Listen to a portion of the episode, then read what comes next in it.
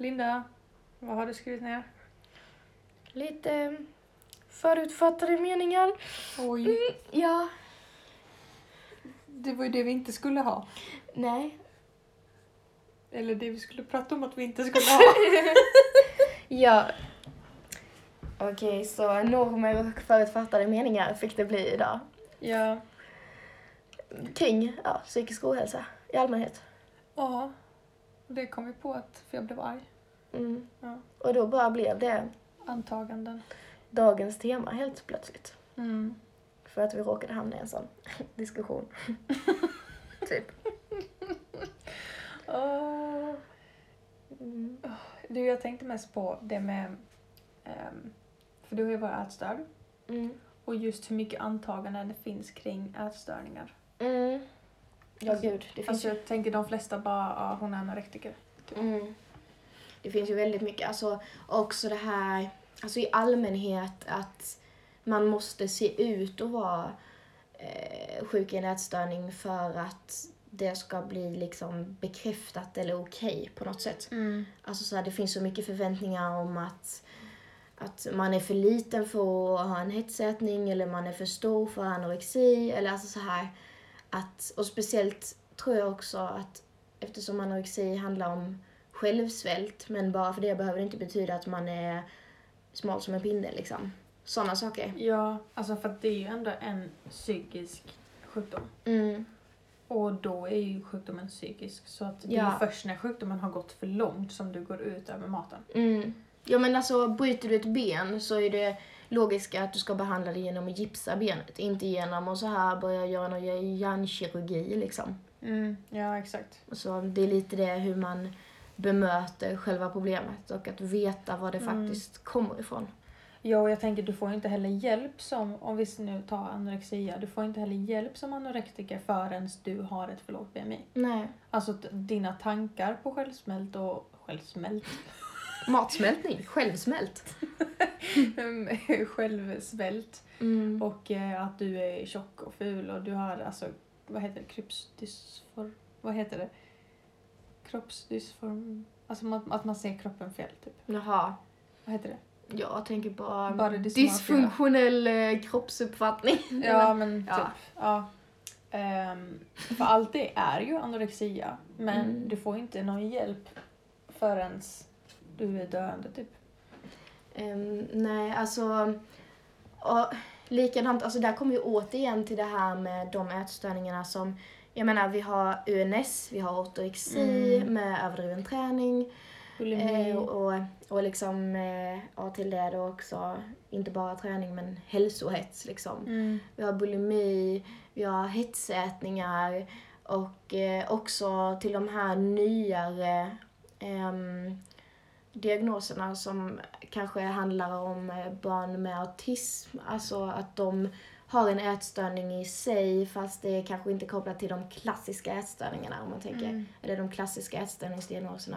Vad är det du pratade om innan? Man måste äta i en viss färg och... Ja, eller man äter bara runda saker eller man äter bara Ja, mm. Eller det som till exempel är jättevanligt att folk har idag, att man kan inte blanda saker på tallriken. Mm. Mm. Ehm, fastän att de inte alls har ett eh, övergripande ätstört tänk utifrån sjukdomskriterier så liksom. Att Mm. de är helt okej med maten och äter i princip vad som helst bara det inte blandas på tallriken. Liksom. Mm. Ja, men det är ju det jag tänker att en ätstörning är ju psykisk. Mm. Och det är det som stör mig så mycket att du får ju inte hjälp förrän du liksom synbart går ner i vikt. Nej. Och det kommer jag ihåg att jag kunde säga till en sköterska liksom att ja, men jag har problem med maten. Mm. Hon bara, ja men jag ser inte att du har gått ner i vikt. Nej, precis. Så men, eh, jaha. Men det Mm. kanske betyder för att jag hetsäter ändå och svälter mig nästa. Ja. Och det är ju lika mycket ätstörning som att svälta dig varje dag eller att hetsa- hetsäta varje dag. Gud ja. Och det är verkligen där man behöver gå in med de tidiga resurserna för det är där man kan rädda någon i ett tidigt stadie. Innan man väntar ut att någon ska gå ner i vikt då för att eh, liksom, det passar in i normen. Mm. Eh, eller samhällets krav eller whatever. Ehm, men jag tänker också att det är, alltså också eh, med tanke på det här, vad är en ätstörning och det här att man ska se ut på ett visst sätt för att liksom på något sätt bli accepterat Mm. eh, sjuk eller så. Eh, att det tyvärr finns ju både inom sjukvården och i, ute i samhället liksom. Precis som du säger att du blev ändå bemött av en sjuksköterska eller vad det var. Ja. Eh, med det tänket liksom. Eh, men sen har vi också den här faktorn där man tänker att en viss ätstörning är så mycket farligare än en annan. Om man kanske, det är väl vanligt att man tänker att extremerna viktmässigt eller BMI-mässigt är det farligaste. Men egentligen den ätstörningen det dör mest folk i är bulimi för att du rubbar alla kroppsbalanser liksom. Mm. Med dina kompensator, alltså kompensatoriska beteenden. Ja. Mm. Ehm, och just att det blir också så himla skevt för att det är inte den som svälter sig till döds eller den som liksom ehm, på andra hållet har sån grov övervikt liksom. Mm. Eh, ehm, där flest dör utan det är faktiskt bulimikerna som kanske pendlar väldigt mycket och ofta har en eh, och därmed inte sagt alltid men ofta har en eh, normal Mm. kroppsbyggnad utifrån sjukvårdens mätsystem Mm. som ofta grundas på Ja, och det är ju det som är problemet. För att om jag då går till vårdcentralen Mm. till exempel och säger att jag, jag eh, eh, har en jättejobbig, eller jobbiga tankar om mat och så. Mm. Jag äter jättemycket och sen spyr jag. Mm. Och sen så väger de mig.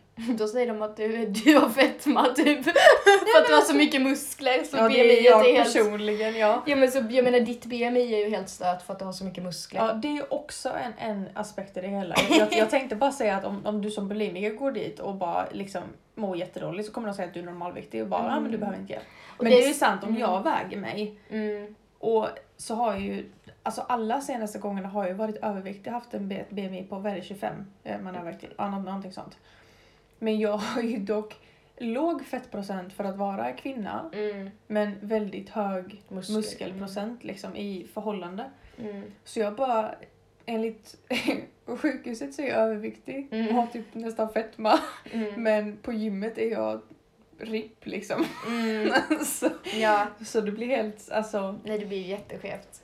Eh, Det är ju sådana grejer som BMI skevar väldigt mycket. Och det Mm. kan man ha en lång diskussion om också för att det har man mycket att säga efter år Oh, inom ja. sjukvården. Nej, men, så. men samtidigt, och precis som du säger, det här med att bulimiker kanske kommer dit och har en normalvikt. Där handlar det också väldigt mycket om att kroppen ansamlar vätska. I och med att du Mm. rubbar alla balanser så drar ju kroppen åt sig all vätska den kan Mm. få tag på. Liksom. Så det blir ju också en, en viktmässig skevhet liksom. ja. Och det, är- alltså, det, är så, det är så synd att man behöver bli, alltså, ha oturen att möta Alltså jag, jag tänker mig att en läkare eller sköterska eller whatever kan Mm. förstå den här logiken. Mm. Att liksom, det handlar ju inte om siffran på vågen, det handlar ju om vart är den här personen på väg i huvudet. Mm. För att det är ju det som sen kan leda till att den här personen faktiskt är i riskzonen för att dö eller få hjärtstopp eller Mm. få hjärtinfarkt för att den är överviktig. Mm. Och det är då man måste fånga upp och inte bara "Ja, men du är normalviktig, det är lugnt. Mm. Vi kan chilla lite till. Typ. Ja, typ. Nej men alltså, sen tror jag, jag tror att från sjukvårdens sätt eller forskningens eh, synvinkel eller vad man ska säga så handlar det nog rätt mycket om att man vill ha någon form av mätenhet liksom. Ja. Eh, för att ha koll på den fysiska hälsan. Ehm, för att självklart förstår man ju mycket väl att man måste ha koll på den fysiska hälsan. Att är du väldigt ehm, gravt underviktig eller överviktig ehm, så måste man ha koll på det liksom. Mm. För att det kan ju vara väldigt stora hälsorisker liksom. ja. Eh, men sen kan man ju eh, väldigt mycket ifrågasätta om BMI är det som säger det bäst. Även om det är ett etablerat mått. Mm. Hur mycket säger det liksom? Alltså jag kan ju tänka mig att, ett, att BMI kan hjälpa om du är väldigt underviktig eller väldigt överviktig.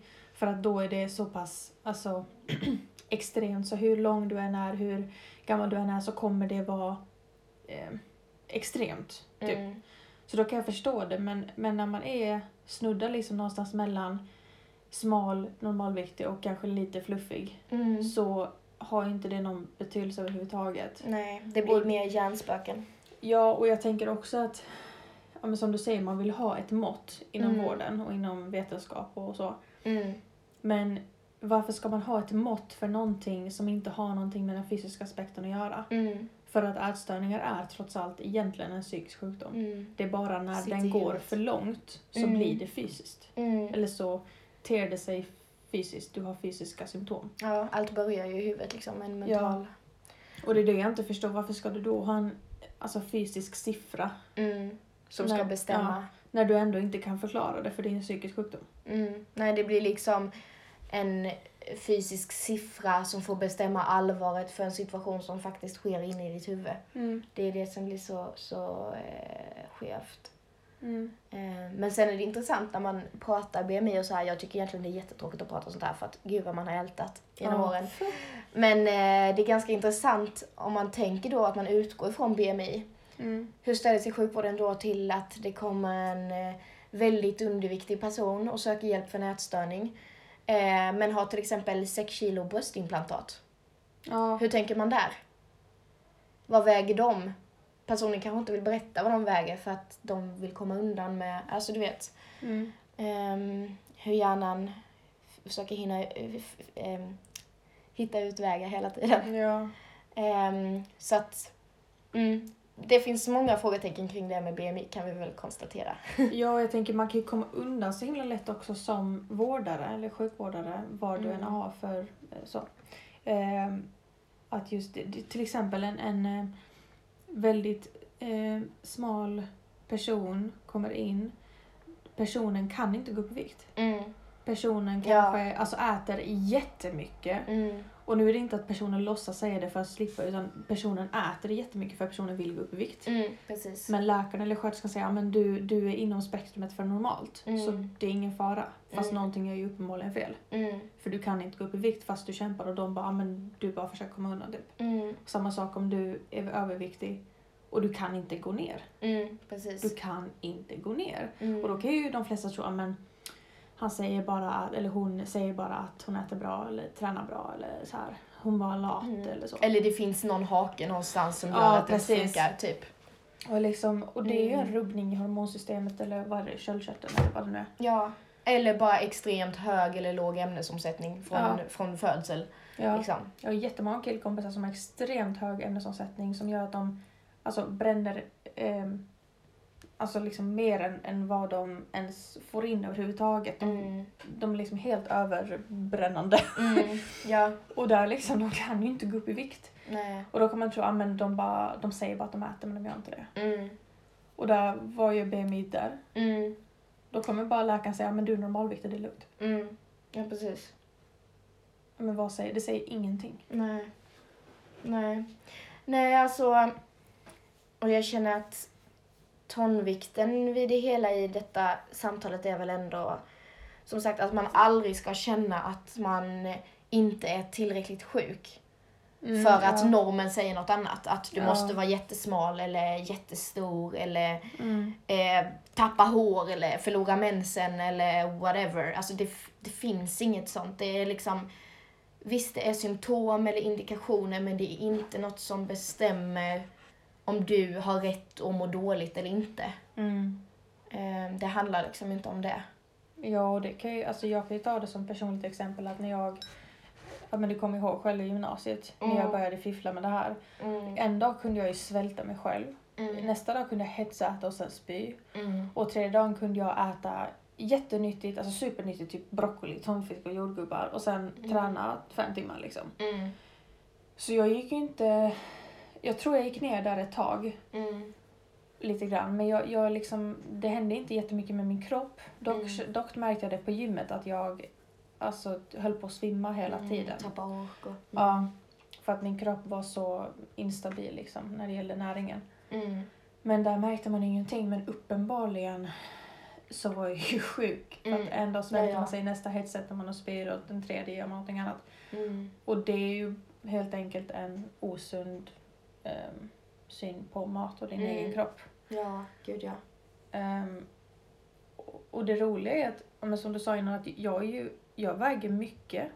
Men jag är inte, Det är mycket muskler. jag är inte tjock överhuvudtaget. Där kommer jag ihåg, min lägsta vikt sen jag var typ 13 är 71,2 kilo. Och det är ändå alltså där, där är normalt för mig, Mm. för min längd. Men då var jag RIP. Alltså då hade jag liksom, det var då jag skulle tävla och, och jag hade taggat inför tävlingen och ätit bra för att mina max liksom vara så optimala som möjligt och så Mm. vidare. Du kanske ska berätta vad du tävlade i? Ja, styrkelyft förstås. Mm. Eh, tränar ja, inför styrkelyft och Mm. eh, de här baslyften. Ehm, så då mina 71,2 för mig då ynka kilo Mm. var liksom, då var jag RIP. Men det är rätt så mycket. Eller alltså jag vet inte. Ja, beror på vad man jämför med. Ja. Men nu, alltså, ja jag vet inte. Folk gissade ju då på att jag vägde 60. Mm. Så jag väger mycket. Eller jag vet inte, alltså jag är så confused över det för att jag, har, jag är överviktig enligt mitt BMI. Mm. Så jag väger mycket. Mm. Men jag ser inte ut att väga så mycket. Mm. Ja, också mycket därför alltså siffror överlag kan vara så missvisande ju. Mm. För jag menar, BMI är skevt för att dina siffror är skeva. Alltså Mm. för att det säger Ja. inte hur din kroppssammansättning är. Nej. Och jag har ju inte vägt mig nu på tre år tror jag. Nej. Så jag har ingen aning vad jag väger.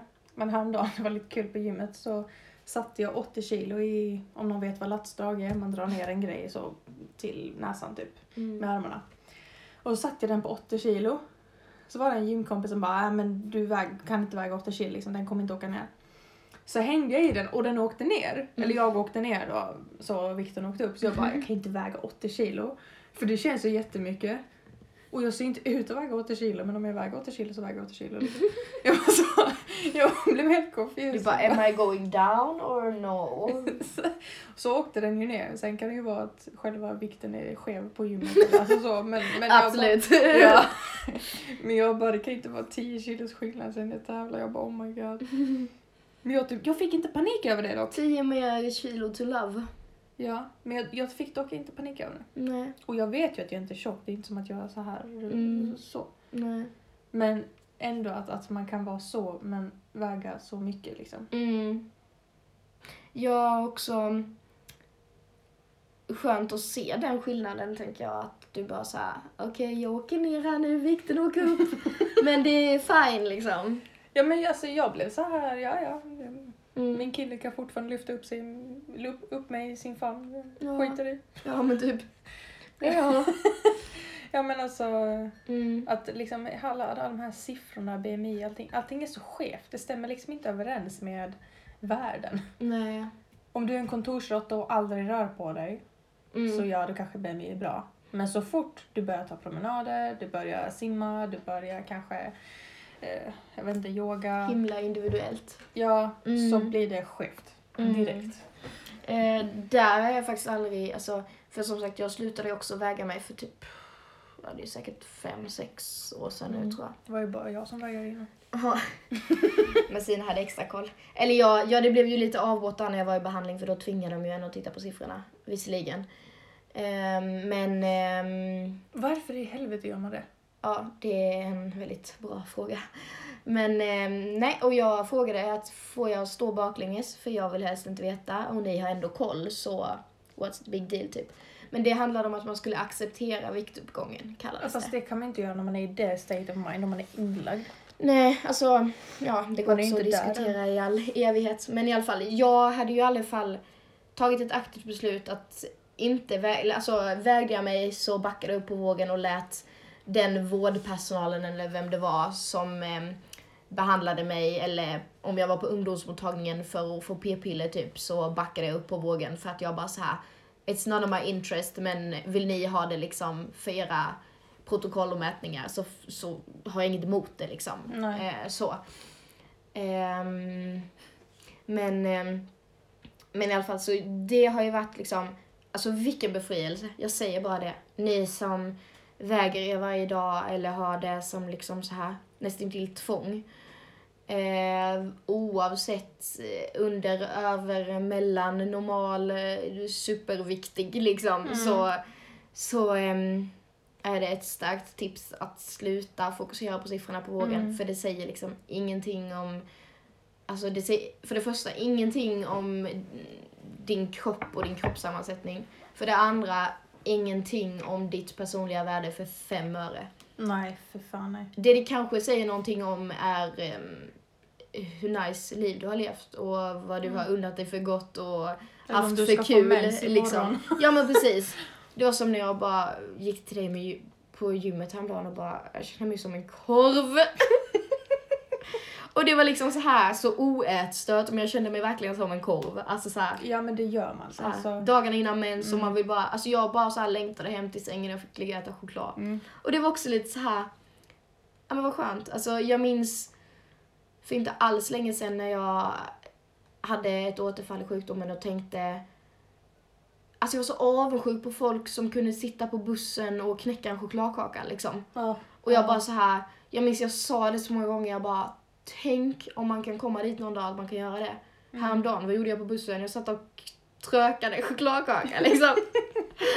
Mellan eh, Lund och Malmö typ, nej men alltså så. Ja. En sån eh, skitsträcka eller typ på väg till jobbet, man bara Ja men alltså jag har två minuter, det är fan värt att springa in och Ica och köpa en kexchoklad och kaffe typ. Alltså så här, såna grejer.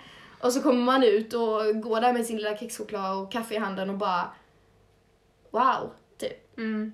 Vilken förändring. Och, En sån befrielse liksom att man alltså kan unna Mm. sig den där jävla kexchokladen. Ja för då kände jag att det var totalt omöjligt. Alltså jag trodde aldrig i mitt liv att jag skulle kunna göra det igen. Mm. Det var därför jag typ var så sorgsen och eh, avis på när jag såg folk göra det. För att det var så långt ifrån vad jag var i den situationen då att Mm. kunna hantera liksom. Mm. Eh, skulle jag göra det då, alltså äta, skulle jag äta en chokladruta då så skulle jag typ så här ha världens mysigaste kväll, ha mina bästa kompisar där, tända 73 miljoner ljus. Eh, så här du vet, göra Ja. världens bästa, alltså allt runt omkring skulle behöva Mm. vara så himla perfekt för att jag kanske skulle våga smaka en bit choklad liksom. Mm. Och nu sitter man där på bussen och bara och bara trycker in och sen bara kommer man fram och eh, öppnar eh, skafferiet och bara åh, här har vi ju lite... Eh, Corny. Ja men typ, eller lite eh, chips och det kan vara gott med lite salt nu så bara trollolol. Ja, typ.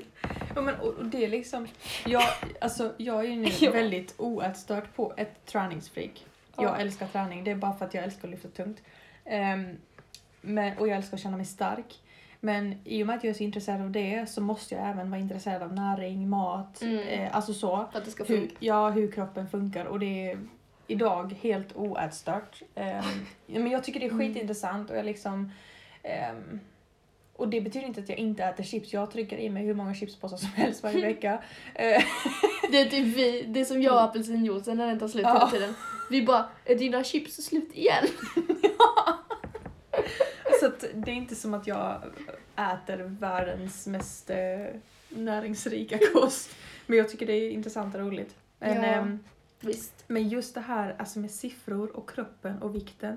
Att det är, alltså om du, exempelvis om du vill gå, gå ner i vikt. Mm. Och säger vi att du måste mäta din vikt på kanske ett halvår Mm. för att faktiskt veta om du har fått resultat eller inte. För att på en vecka, så kanske måndagen, Ja. Kanske du drack lite för lite vatten dagen innan. Så Mm. du har gått ner i vattendrick. Yay, jag gick ner ett kilo. Mm. Dagen efter kanske du har drack extra mycket vatten för du skulle vara duktig och dricka massa vätska. Då har du Lite gått upp ett kilo igen. Ja, och så kanske du ehm, ska få mens. Mm. Du går upp 500 kilo. så, det Du mensar ut Niagarafallen och sen är de väck. Ja men alltså verkligen. Och, det är liksom, och byxorna kanske är lite tajtare för att, för att du har massa vattenvikt på grund av mensen. Och, alltså, det är så mycket som spelar in. Salter, vatten, icke-salter, icke-vatten. Om du har tränat eller inte och svettats. Om du har tränat och blivit pumpad så du har mer blodflöde i kroppen. Alltså det är så mycket. Mm. Eh, Alltså, och det är liksom, därför måste du kanske väga dig. Dig inte om du inte vill väga dig. Men om du nu är en person som är frisk och vill gå ner i vikt och bla bla. Då ska man väga sig under ett halvår. Och det är just därför som vikterna och siffrorna på vågen inte har någon betydelse. För att kroppen spelar med i ditt liv. Om du dricker extra vatten en dag så kommer du även väga mer dagen efter. Mm. Helt logiskt liksom. Samma sätt som om du glömmer bort att dricka en dag men äter normalt så kommer du gå ner. Mm. Och då är det ingenting att bli glad för. För du bara yes, gick ner ett kilo. Mm. Du kommer ja. gå upp det igen. Eller om du kissar innan. Alltså, Ja, Makes sense. Eller ja, Ja, eller om du två. väger dig innan frukost eller om du väger dig på kvällen. Ja. Samma sak där. Mm. Du kommer ha gått upp typ, jag tror att man går upp typ, eh, vad är det? Det är några kilo ändå. Ja, På en dag. jag tror att eh, jag såg någon gång någon tjej som vägde, som jämförde då liksom morgon och kväll. Och Mm. det var typ såhär 2-3 kilo. Mm. Alltså för du har rört på dig, du har druckit, det är vätska, det är salter, det är svullnad, det är mat, det är massor. Mm. Och sen också hur du ser ut, alltså det är det sjukaste. Hur du ser ut på morgonen versus hur du ser ut på kvällen. Mm. Alltså efter hela dagen, efter all mat. På morgonen man vaknar, alla vet hur platt man är. Och sen på kvällen så bara ser man ut som en boll. Som en korv. Ja, som en kurv. Och, och byxorna är tajtare och man bara shit vad har jag gjort nu? Men det är bara för att du lever. Man bara, aha, my period is coming. Ja men typ. Alltså, Står man där med handen i kakburken bara, ja men alltså mina tuttar går knappt in i min sportbh I när jag ska få mens. realized shit. De bara så boom från ingenstans. Det är säkert fem kilo i dem. ja, men så allt det där med siffror och våg och BMI, det är, så- alltså, allting är så skevt. Om du ska kunna väga dig med det så måste det verkligen vara... Du gör exakt samma sak varje dag. Mm. Exakt. Mm. Det gör ingen. Nej, nej, gud. Ingen har så mycket koll på livet. Du kanske klipper dig och går ner ett halvt kilo. Mm, precis. Kanske rakar dig mellan benen. Några gram kanske. Oh my god. Det sparar. Nej men okej, så vi har varit inne lite på vikt och ätstörningsrelaterad Antagligen. eh, normer och antaganden. Eh, jag tänker alltså allmänhet, psykisk ohälsa, just det är ju en väldigt stor norm att, att eh, om man drabbas av någon form av ohälsa nu, som i den här podcasten då fokuserat på psykisk ohälsa eller mental ohälsa, eh, så ses det liksom som en svaghet eller att man skulle vara skör på något sätt. Mm. Ehm, och där är väl väldigt vanligt att man kämpar mot själv när man eh, för första gången kanske stöter på um, ohälsa i sitt liv. Att, för där var jag ju själv till exempel och tänkte att är det bara jag som är mesig? Ska det verkligen vara så här? Eh, ska man tycka något sånt här är jobbigt? Det är bara jag som är lite trög och dum typ. Alltså så. Mm, ja. Att det var liksom inte befogat så här Nej. att må dåligt.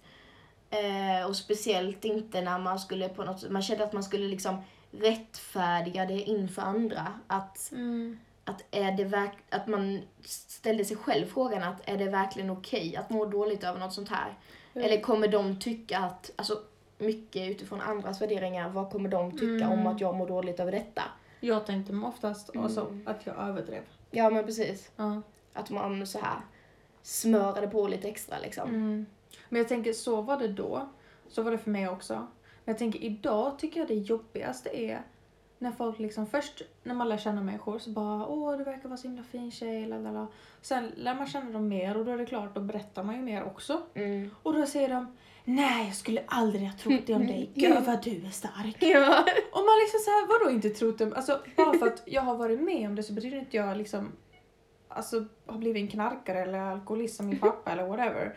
Alltså vadå stark? Jag var tvungen. Ja. Alltså så det var allt jag visste. Vadå, vadå? Jag vet inget annat. Det är ett sätt att rädda sig själv liksom. Alltså det är överlevnad. Ja men alltså om du växer upp Alltså har du hört om den människoungen som växte upp bland vargar? Typ Mm. de som bara släppte ut den. Då, alltså, Mm. Den vet inget annat, den vet inte om att Nej precis. hur man lever med människor, den, den vet inte om att det är bättre eller sämre eller whatever, den bara lever med vargar. Man har ju tvingats, och det är ju det vi har varit inne på så mycket innan kopplat till barndom och så att, att man vet ju inget äh, bättre än sin egna verklighet liksom. Nej. Eh, det man går i varje dag från att man är liten ser man ju som normalt Mm. liksom. Och det gäller så många andra, alltså en arbetssituation kan det handla om, samma sak där. Mm. Ehm, innan man har liksom något att jämföra med så, så är det ju liksom verkligheten. Ja, man vet ju inte om att det finns någonting bättre Nej, att jobba inför. Alltså, menar ditt första sommarjobb, du tänker att okej det här är arbetslivet. Ditt andra sommarjobb, du får en skitkass chef, dålig lön, dåliga avtal, eh, ingen passar tiderna, kollegorna är otrevliga. Om man nu har sån otur. Och du Mm. tänker bara shit vad jag längtar tillbaka till det andra jobbet. Mm. Du blir arbetssökande, söker nya jobb och kommer till världens mest fantastiska arbetsplats. Du trivs jättebra. Lönen kanske inte är den bästa, men du känner att här får jag ut liksom mina värderingar. Här har jag trevliga kollegor. Här, alltså, ja, Mm, man mm. hittar sina personliga värderingar i det liksom. Mm.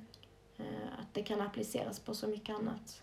Jag tänker att det värsta för mig som finns, alltså som antagande om vi nu tar depression, ångest eh, och PTSD och lite så, är just att ja men du ser så glad ut. Mm. Så jag får vara glad en dag Mm. utan att ha blivit frisk. Mm. Alltså, Precis. ehm, när folk, alltså jag, jag, jag mår bra varje dag så att Mm. säga. Alltså så, jag, jag fungerar, jag lever, jag kommer upp ur sängen, jag arbetar, jag Mm. äter, jag tränar, jag gör allt det här som en normal människa gör. Mm. Men det är klart att min hjärna har fortfarande enorma saker att bearbeta. Mm. Och det är så irriterande att bara för att man är glad så är man frisk. Mm. Och det finns ju stunder av allt. Alltså Mm. alla känslor under en dag liksom. Ofta. Ja. Eh, och likadant där eh, tänker jag precis också på att den här normen kanske att är man deprimerad eller utbränd så orkar man ingenting. Man orkar inte ta sig upp ur sängen, vilket är faktiskt något som man ofta säger att jag orkar inte ta mig upp ur sängen på morgonen. Mm. För att så är det ju. Eh, Mm. Och jag har själv upplevt känslan. Alltså så, Mm. man orkar. Alltså kroppen bara strejkar helt fysiskt också. Mm. Det finns inte en chans att du kan ta dig upp ur den där sängen liksom. Men just att det är lite sorgligt också att det spär på den normen att, att är man väldigt deprimerad eller utbränd eller liknande så, så orkar man ingenting, livet funkar inte, livet stannar upp, ingenting funkar Mm. i de allra flesta fall, idag, i alla fall i, eh, i i-länder som, som Sverige liksom, så är det ju inte så. För att folk pushar sig att gå till jobbet eller skolan, Mm. eh, även om de inte orkar. Eh, de sätter på masken utåt, att de Mm. mår okej i alla fall. Eh, de skrattar kanske till och med lite i fikarummet eh, åt någon kollegas skämt, men hur genuint är det? Mm. Och är det kanske faktiskt genuint men det roligaste den personen har haft på flera veckor och känt sig som mest Ja, levande för på flera veckor liksom. Ja. Så man, man får inte glömma bort allt det där bakom liksom. Tänk hur mycket de här människorna får satsa för att göra något så enkelt inom situationstecken som att ta sig till arbetsplatsen Mm. eller skolan eller vad det nu kan vara, mötet. Och just det här också att, att folk, ja men du verkar ju glad. Mm. Och då liksom, va, du behöver väl inte terapi, du verkar ju jätteglad och pigg. Mm. Ja fast det är ju kanske, jag är ju glad och pigg för att jag måste kämpa så jävla hårt. Mm. Alltså jag kämpar enormt för att ens känna de känslorna liksom och Mm. låta mig känna de känslorna och alltså ta tillvara på när jag har en bra stund med Mm. vem det nu är eller vad det nu är. Mm. Alltså bara för att man är glad så betyder det inte att man är glad för att eh, man inte ens försöker utan alltså Nej, och det är ju verkligen inte så att är du deprimerad så, så är det förbjudet att skratta.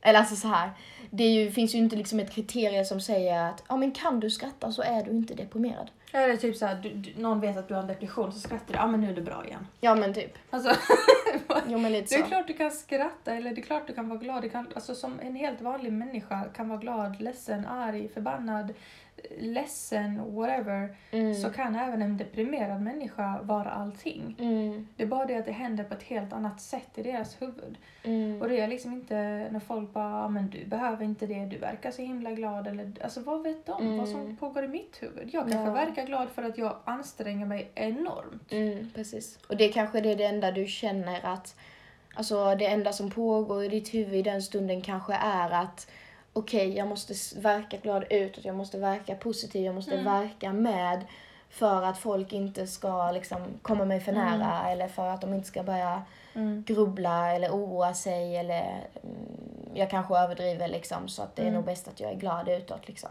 Ja, eller så hade jag, har jag en jättedålig dag, men så har jag ju precis haft en pannkaksstund med Linda. Jag är jätteglad i en timme efteråt mm. för den här pannkaksstunden. Jag går ut, jag träffar någon som jag känner och den bara, men du verkar jätteglad. Mm. Ja, men Mm. jag får vara glad. Alltså så, jag Mm. har haft en stund som jag blir glad av, men bakom det så du vet inte hur min dag var innan det liksom. Nej, eller hur den blir efter. Eller... Ja. Och det är verkligen, alltså... Ja. Det, man kan liksom inte säga nog i den frågan egentligen att det måste vara på ett eller annat sätt. Nej. Ehm, verkligen inte. Och jag tycker det är viktigt i alltså, detta ämnet att man har respekt för vad människor talar om och vad de Mm. säger och Visar utåt också. ja, att man liksom inte bara ja, ja men det verkar vara så eller Mm. ehm, alltså för att du vet ju inte alltså Nej, ehm, gud nej. ja. Och verkligen inte, där kanske man ska ta in en punkt som ur anhörigperspektiv eller närstående eller kompis, hur- vad Mm. du än är, vad du än har för relation till en person som är drabbad av till exempel depression, utmattning, stress, ångestsyndrom, eh, ätstörning, whatever. Att det som visas utåt som kanske är leenden och skratt eller mm, viktuppgång, viktnedgång som förutsätts ska vara positiv i eh, någon bemärkelse liksom. Mm, mm. Ehm, om du vet att den här personen är i en process där det handlar om att det här är målet, eh, att bli gladare eller att gå ner i vikt eller gå upp i Ja. vikt. Eh, att också vara varsam där med vad, vad man säger som anhörig för att bara för att du har börjat en behandling och gått upp i vikt eller gått ner i vikt eller mm, du verkar gladare så betyder inte det att du är färdig med ditt arbete. Du kanske har Nej. sju års terapi kvar. Mm. Eh, Ett enda ord kan ju rasera allting. Ja, och sen är det självklart att man ska vara stöttande och finnas där och visst kan det vara skönt att höra att man gör framsteg liksom och Mm. det kan vara väldigt skönt att höra ehm, ja men du verkar må bättre, jag hoppas verkligen det är så och i så fall så, så tycker jag det är skitkul att se liksom. Mm. Keep on going, liksom. keep up the good work. Mm. Ehm, men att eh, vara lite varsam med det här att Ja ah, men eh, vad glad du verkar, då är du frisk nu. För det har Mm. man ju, det har jag mött så väldigt många gånger så här Mm. att och du ser så hälsosam ut, åh vad kul, då är allt bra nu. Eller liksom så här. Mm. Eller att eh, man kommer upp till normalvikt eh, från svårsvält och, och um, hade rent terapimässigt inte blivit tillåten att prata med psykolog eller liknande för att BMI var för lågt då. Eh, men nått upp till normalvikt och precis fått börja gå i samtal för att be- bearbeta allt som hände i huvudet liksom. Mm. Eh, och träffa någon på stan som bara, åh men vad friskt det ser ut, vad skönt. Ja, då Och- tänker du att Och jag bara, fast nej alltså det är kaos i mitt huvud för jag har inte fått bearbeta det som faktiskt la grunden till allt det här. Mm. Ehm, och dessutom då som du säger eh, i ett, ur ett ätstörningsperspektiv att det är lätt att det tolkas fel. Mm. ja, För jag kommer ihåg att du sa Så. det någon gång just att man säger oftast åh vad, vad frisk du ser ut. Mm. Som också för en ätstörd kan tolkas som vad tjock du ser ut. Mm. Eller att du har gått upp i vikt Mm. konkret och det är vad man är rädd för. Eller vad, vad hälsosam du verkar ha blivit, Mm. att du har gått ner i vikt men Mm. det kanske var okontrollerad viktnedgång eller det kanske inte var positivt för den som, ja. Och då blir man ju ännu mer triggad att göra antingen mer för mycket eller mindre av det man borde göra. Mm. Vilket håll man nu är på. Men jag kommer, vad var det du sa att man skulle säga istället? Att vad glad du ser ut? Eller vad var det du sa? Det var Ehm, någonting som du sa... Jo men pratar de inte något sånt här om att liksom du har liv i ögonen igen eller liksom du har gnistan i blicken igen eller Ja, vad var det vi sa? sånt. Det var något sånt. Ja, att liksom inte lägg inte fokus på kroppen och utseendet utan lägg det liksom på din appearance, ditt, din liksom um, ja, holistiskt aura, skulle jag precis, Ja. det var det jag skulle säga. Men kan man använda glad eller hade man tagit det också som... eh, Ja, jag har tolkat det fel många gånger för att jag har Mm. tänkt att det betyder att de tänker att jag är tjock. Eller att jag är frisk och och glad liksom. Alltså så. Mm, nu måste jag bli sjuk igen. Ja, Ja. det är väldigt känsligt. Alltså det, jag tänker att, eller vi har väl planerat lite också, ha ett avsnitt om sådana feltolkningsgrejer liksom. Alltså Ja. som menar väl men som kan bli så himla himla fel. Mm. Eh, Jag har även bloggat väldigt mycket om detta ämnet för att det är så enormt stort. Mm. Ehm, och det är jättemånga gånger från världens godaste människor man har med ett leende tagit emot en kommentar och sen har Mm. resten av kvällen bara varit Ja. jag ser för frisk ut typ. Eller alltså så här Mm. hjärnspökena är igång. Ja, för att i alla fall när, när man har ehm, alltså en, en ätstörning som är mot lågvikthållet Mm. så är det oftast att när du ser frisk ut eller när, när du verkar frisk, då vill du bli sjuk igen för att det är en Mm. tävling. Alltså du, du måste vara den sjukaste. Du måste, och det låter helt knäppt men det är ju liksom det som, Bågar i huvudet. det är ju det som hetsar sjukdomen så att säga. Mm. Så Ja. om man säger till en ätstörd att du ser så frisk ut, Mm.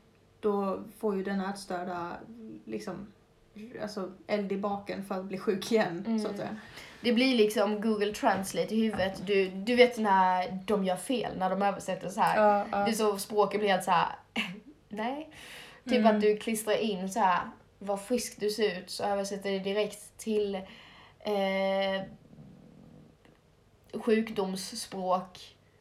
Eh, vad tjock du ser ut. eh, Mm, om man nu pratar Och du har anorexi gått upp liksom. i vikt. Mm, Bara det liksom. mm, man pratar om Mm. diagnoser som innebär sjukdomar som vill att man ska Mm. vara lägre i vikt till exempel. Och som sagt, alltid när vi pratar om det här med att väga mindre eller väga mer och ha mål på olika hållen så är det verkligen vice versa och det vill jag bara passa på att Mm. poängtera att nu, alltså det kan hända att vi kanske pratar ur eget perspektiv mycket och att det blir eh, riktat åt hållet att, att man är rädd för att gå upp i vikt i och med att det Vad vi har haft. är vår erfarenhet Ja. liksom. Men vi kan inte nog poängtera att det är precis lika jobbigt Mm. och kan vara precis ett, alltså ett rik, lika rent helvete på andra hållet. Ja, och jag tänkte precis säga det att om du exempelvis har hetsät, alltså hetsäta gör man ju oftast för att man mår dåligt. Mm. Så jag menar, det är samma sak, exakt samma sak fast du reagerar på Mm. tvärtom liksom. Det är ofta känslokopplat. Ja, så som Linda vill kolla på kriminalare och jag vill kolla på Mm. någonting som är bara samma sak så jag slipper tänka. Mm. Det är samma sak, att det är åt andra hållet men att någon som har hetsätit och kanske behöver gå ner i vikt för sin hälsa Mm. Eh, om du då säger åh vad fin du är, du har gått ner i vikt. Mm. Då kanske den istället utvecklar anorexia, Mm. eller bulimi, Mm. eller ortorexi, eller UNS, whatever. Mm. Eller så kanske den känner åh vad, vilken press jag fick nu. Mm. Shit, Jag måste nu måste, fortsätta, ja, jag måste eller- fortsätta, shit vilken press. Och så får den panik och den går tillbaka till att hetsäta och må dåligt och ja. Mm. Och Ja, det- det finns ju så enormt många håll det kan gå på. Mm. Och jag tänker nu när vi ändå är inne på att prata om detta att vår erfarenhet ligger eh, kanske mer åt det återrätt... Åt, gud, jag kan inte prata, jag har varit uppe sedan klockan fyra. Återrätt, återrektiska Mm. ehm, eh, eller anorektiska hållet, alltså mer självsvälts, eh, hälsohetsträning, alltså så. Mm. Utifrån vår erfarenhet så eh, är du som lyssnare där ute som har erfarenhet av hetsätning, bulimi, så någon av de här andra Mm. eh, formerna eller bara generellt matrelaterad ångest och känner att du skulle vilja ehm, dela med dig av dina erfarenheter från ditt perspektiv så tycker vi det är jättevärdefullt.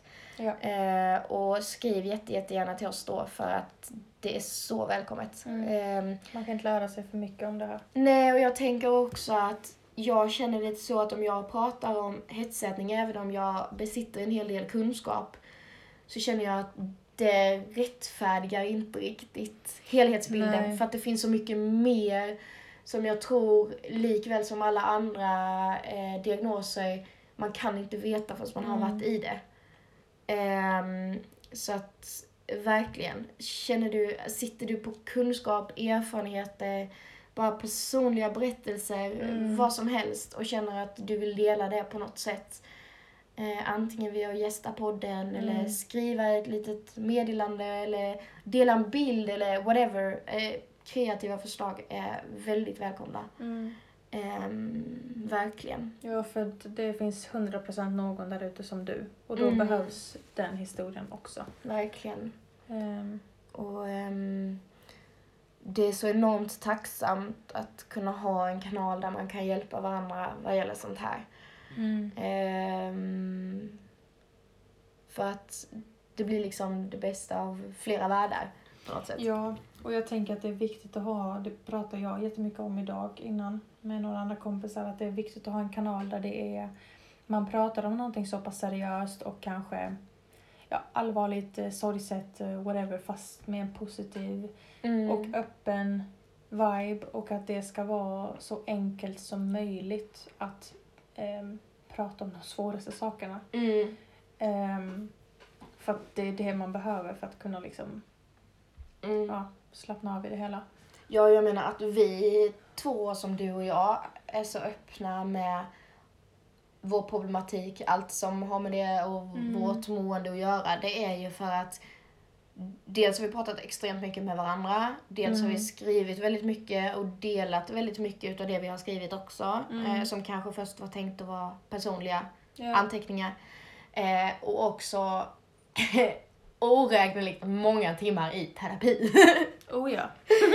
Ehm, så att jag menar, att vi är så öppna med det och kanske som många lyssnare har skrivit in till oss avslappnade eller liksom Mm. chill med det så. Så um, handlar det ju väldigt mycket om att vi faktiskt har bearbetat det på ett sätt genom att bolla med andra och vara öppna kring Mm. våra svårigheter. Ja, vi är ju inte, Mm. vi är ju definitivt inte klara. Nej, Jag nej, går nej. fortfarande i terapi och jag har en fantastisk terapeut och eh, jag har verkligen mina dagar och eh, Mm. mina andra dagar. Eh, så att vi är verkligen inte klara. Nej, men gud, eh, vi är där, där vi kan eh, ja, prata om det så pass öppet och positivt för att vi, vi är liksom på andra sidan av Mm. den dåliga häcken. så att säga. Oh my god. Vi har kommit Ja. så pass långt att vi fungerar, Mm. så att säga. Vi satt Eh. fast i häcken några år men nu känns Ja. det som vi är på lite Vi kommer upp ur sängen, mark. vi jobbar, vi sover väldigt mycket, Mm. vi äter, vi eh, hittar på massa kul skit. Mm. Ehm, så att vi är liksom på den bra sidan av den dåliga häcken. Mm. Yes, där har vi det. Så follow us till andra sidan häcken. Yes. Nej men verkligen. Och ehm, ehm, alltså som sagt det här är ett jättestort ämne. Vi hade Mm. kunnat ha hur många avsnitt som helst om detta. Men ehm, jag tänker också att dels får vi göra lite reklam för vår frågepodd Yay! som vi ska ha. Eh, vi funderar på att kanske lägga in en liten extra måndagspoddis som Mm. är en kortare variant. Mm. På låt säga 10-15 minuter. Mm. Det lär ju bli 2025 bara för att vi säger så. Ja, eller hur? Men vi får se helt enkelt vad det landar. Ja. Men en lite kortare i alla fall. Ja. Eh, än vad vi har på fredagar. Mm. Eh, för att ha till exempel frågepodd. Eh, jag, vi delade på ehm, eh, Happy Pill Talks på Instagram tidigare idag. Mm. Just för att kolla intresset lite på att ha en frågepodd som då innebär att ni lyssnare eller följare på Instagram, sociala medier får skriva in frågor till oss som vi svarar på direkt i podden helt enkelt. Mm. Ehm, och ehm, ja, sen även till den här måndagspodden då kanske ha lite inspirerande talks, lite mer så här positiv go-go, Mm. ni vet. Eller bara allmänt flum om man nu känner att man orkar lyssna på det. När vi spårar. Ja, vi tänkte att vi kan ha en sån liten extra poddis bara så för eh, så att Mm. det inte blir liksom så här långrandiga, djupa talks. Utan Ja. kanske lite mer lättsamt frågor. Eh, om vi inte har lust att vara peppade. Mm. Ja, eller om du bara så här. Okej, jag har inte tid med ett fullt avsnitt men jag tänkte sätta mig och skita lite så jag kan ha något att lyssna på under tiden. alltså, no shame. Ja, I see ya. oh my god. Men, ehm, Vi finns för er skitare där ute. mm, ja men typ. Så mina, min bror. Nej men, ehm, jag tappade helt tråden men det var något annat jag tänkte tipsa om som hade med podden att göra. Eh, ställa frågor. Mm, det var ställa frågor och det var... ehm, ja, mycket bra frågor. Personliga berättelser. ehm, ja, skicka Mm. in allt som ni är nyfikna på eller eh, vill att vi ska ta upp. Mm. Allmänna idéer kring... Eller om ni vill gästa. Eller om ni vet någon som ni vill att ska gästa. Ehm, ja. Jag vet inte vad du tänkte med. Alltså, jag bara undrar om ni hör hur det knakar i min hjärna just nu för jag försöker verkligen komma på vad mer det var jag skulle tipsa om. Nu har vi kommit på det här. Yes! Här kom det. Ehm, jo, också som sagt om eh, du som har lyssnat på detta avsnittet ehm, känner att du har någon norm eller förutfattad mening kring psykisk ohälsa som du har mötts av eller fått sagd till dig eller ja. Eller kanske tvärtom, att du har en förutfattad mening, Mm. förutfattad mening om en psykisk ohälsa som du vill fråga om. Ja, precis. Ehm, skriv jättegärna till oss. Jag tänker att vi gör en liten länk till ett inlägg där. Så du kan komma in i ett eh, frågeformulär helt enkelt. Eh, som kommer ligga ute tillgängligt för eh, veckor framöver. Så att vi hinner samla lite ehm, ja, normer och fördomar helt enkelt. Mm. Och så gör vi ett eh, lite längre avsnitt eh, framöver när vi har samlat just vad ni tänker på, grubblar på eller har stött på vad gäller förutfattade meningar eller normer i samhället Ja. kring hälsa, ohälsa. Mm. Hittas app. Yes. Så det kommer alltså ett inlägg med det där det kommer en länk till eh, ett frågeformulär. Och detta inlägget postar vi kommande tre dagarna. Kan vi säga. Du la på lite där. Vadå? Du bara kommer, jag tror du ska säga imorgon men det bara kommande tre Jaha, nej men jag tänkte att det kanske händer mycket imorgon på vår lilla sida. Vi får se. Oj. Ja, jag har Ja. stora planer. Big plans! We have big plans. Ja. Big business woman. Mm. Yes. Men eh, ja, som sagt. ehm, tänk aldrig att du inte är tillräckligt, eh, mår tillräckligt dåligt eller att du inte förtjänar att, att må bra. Ehm, och kom ihåg att det går att bli frisk och det går att må bättre. Mm. Och ta hand om dig under helgen. Mm. Ha en trevlig helg. Om du inte vill gå på festen, stanna hemma och sov. Ja, Det är okej att sova bort dagen. gör som jag. Sov, sov och sov. Mhm. Tips från coachen. Nej men verkligen, ta hand om er, ta hand om varandra. Ehm, stanna inne om du är hostig. Nej gud, inte mer snack om sånt här. Åh fy fan. Ehm, nej men verkligen. Vi syns och hörs och vi är så tacksamma att ni är så många som har valt att lyssna och stanna kvar hos Mm. oss, med oss. Yay. Snart får vi bjuda på fika. Ja. Mm. Ja, vi bjuder på en liten live kanske. Ja! jag, har en, äntligen! jag har en jättebra idé för detta. Jag har tjatat om en live så länge och hon bara nej det är pinsamt. och nu kommer hon med live och idéer Ja, men jag kom på en jättefin idé Ja. som är kul att göra. Ja, när, att, Lin- när Linda kommer på saker då är det okej. men jag har kommit på så att ni får lära känna varandra, eller känna varandra, det blir lite svårt, men känna oss lite mer. Jaha. Det är ett litet question game, det är typ pekleken. Oj vad aggressivt. Livesänt. Ja, men det blir spännande, Mm. tror jag. Until next time. Ja. Puss, hej!